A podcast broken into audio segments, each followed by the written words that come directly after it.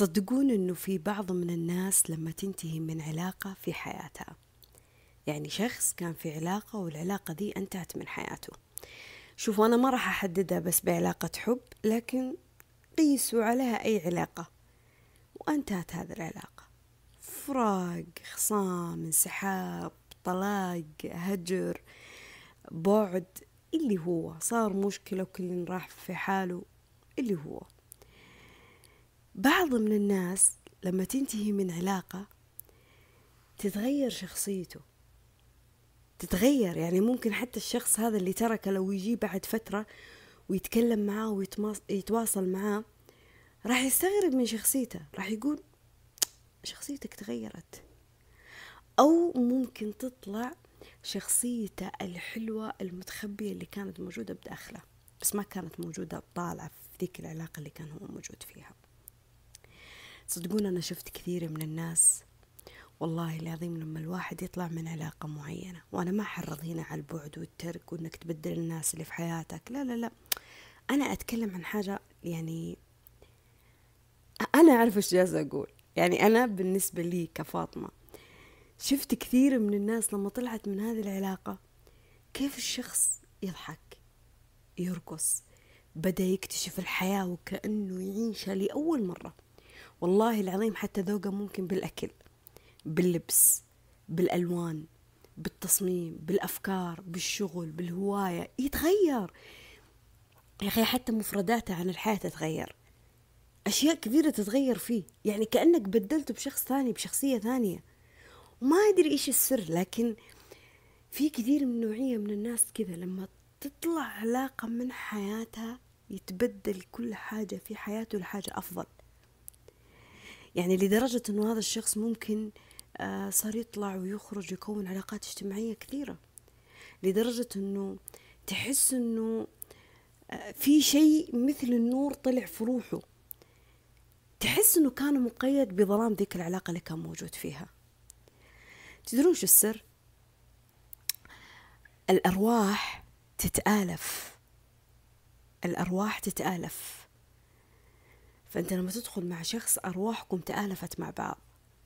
ولما تتآلف الأرواح إما أنها تبهج حياتك طيب وإما أنه في أرواح تدخل حياتك مقدرة لك أنها توجعك. لكن الوجع اللي مو يعني خليني أقول مو بشخصنا اللي استقصاد لك. لا لا لا يعني تصير أحداث تفاصيل أمور سنوات تكون في العلاقة لها أسبابها. لكن أنا أقصد إنها توجعك بمعنى إنها تعطيك درس. ولما تعطيك درس هذا الشخص أنت تاخذ منه الدرس فبالتالي طبعا أنت أكيد راح تعطيه درس. والدرس هذا يكون في حاجات معينة في حياتك يعني من ناحية رزق من ناحية شخصية من ناحية أفكار من ناحية مشاعر من ناحية نمط حياة من ناحية عمل ما أعرف.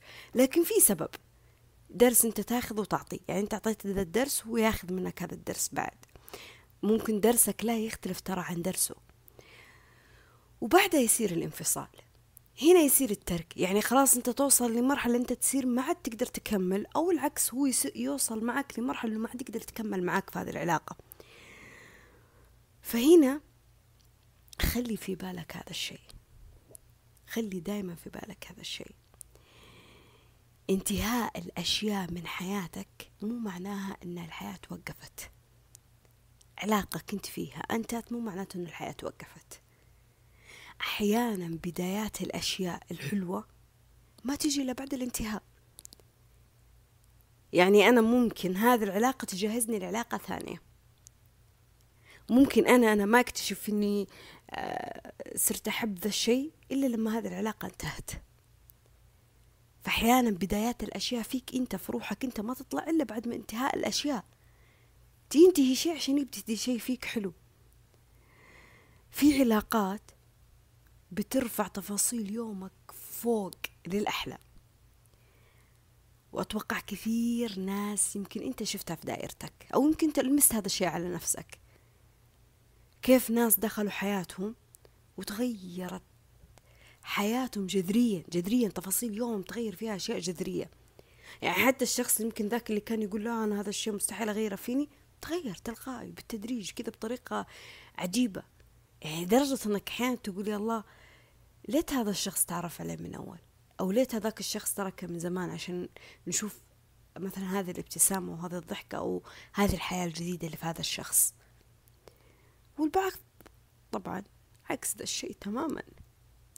يعني في علاقات تدمرك تقيدك تظلمك تكرهك في الحياة.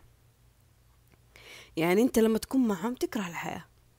يعني أنت تظن أنه أنت سبب.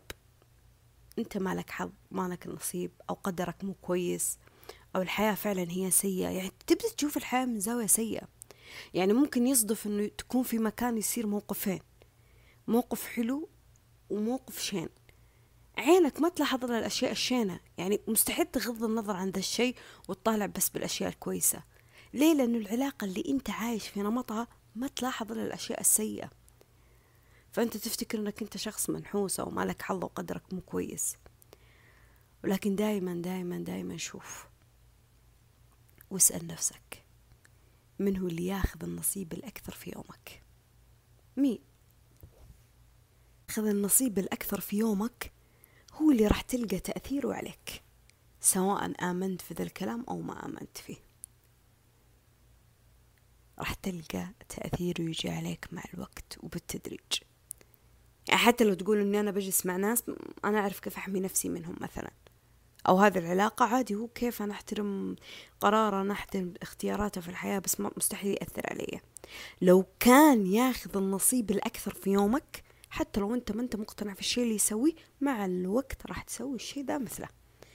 أو تصير تتكلم مثله أو تفكر مثله أو تبدأ تعيش نمط حياة مثله. فدائما اسأل نفسك منو اللي ياخذ النصيب الأكثر في يومك؟ مين؟ وهذا الشيء ترى ما يندرج بس على علاقات الحب. أو علاقات بس بين شخصين يعني خليني أقول ظاهرة أو واضحة. لا لا لا لا. يعني بشكل عام ينطبق على كل شيء في حياتك. يعني أنا بعطيك مثلا مثال. شوف تأثير أغنية أو فيلم مثلا أنت تشوفه أو تسمعها لمدة ساعة. أو شخص تتابعه على مواقع التواصل مثلا. وتشوف يوميات وحياته بشكل يعني دائما دائما وياخذ النصيب الأكثر في يومك. شوف كيف تأثيره عليك. يعني لاحظ على نفسك كذا يوم في يوم كذا قرر إنك تلاحظ على نفسك. شوف مزاجك أفكارك مشاعرك ضحكتك حزنك فرحك يعني إيش يصير فيك؟ إيش التأثير اللي يصير فيك بعد هذا الفيلم أو بعد هذا الحساب ما تقرأه أو تتابعه أو بعد ما تخلص من هذا الاتصال أو هذه الرسالة أو يعني لاحظ نفسك. طيب هذا تأثير فيلم ولا أغنية ولا شخص يمكن يكون مشهور ولا شخص تقرأ له فما بالك بارتباط روحي علاقتين بين شخصين تتوقع أن الطاقات ما تأثر على بعض؟ تتوقع أن الشخص اللي ياخذ منك النصيب الأكثر في يومك ما يأثر عليك؟ ولا أنت تأثر عليه؟ مستحيل مستحيل إلا ما يكون في تأثير إلا ما يكون في تأثير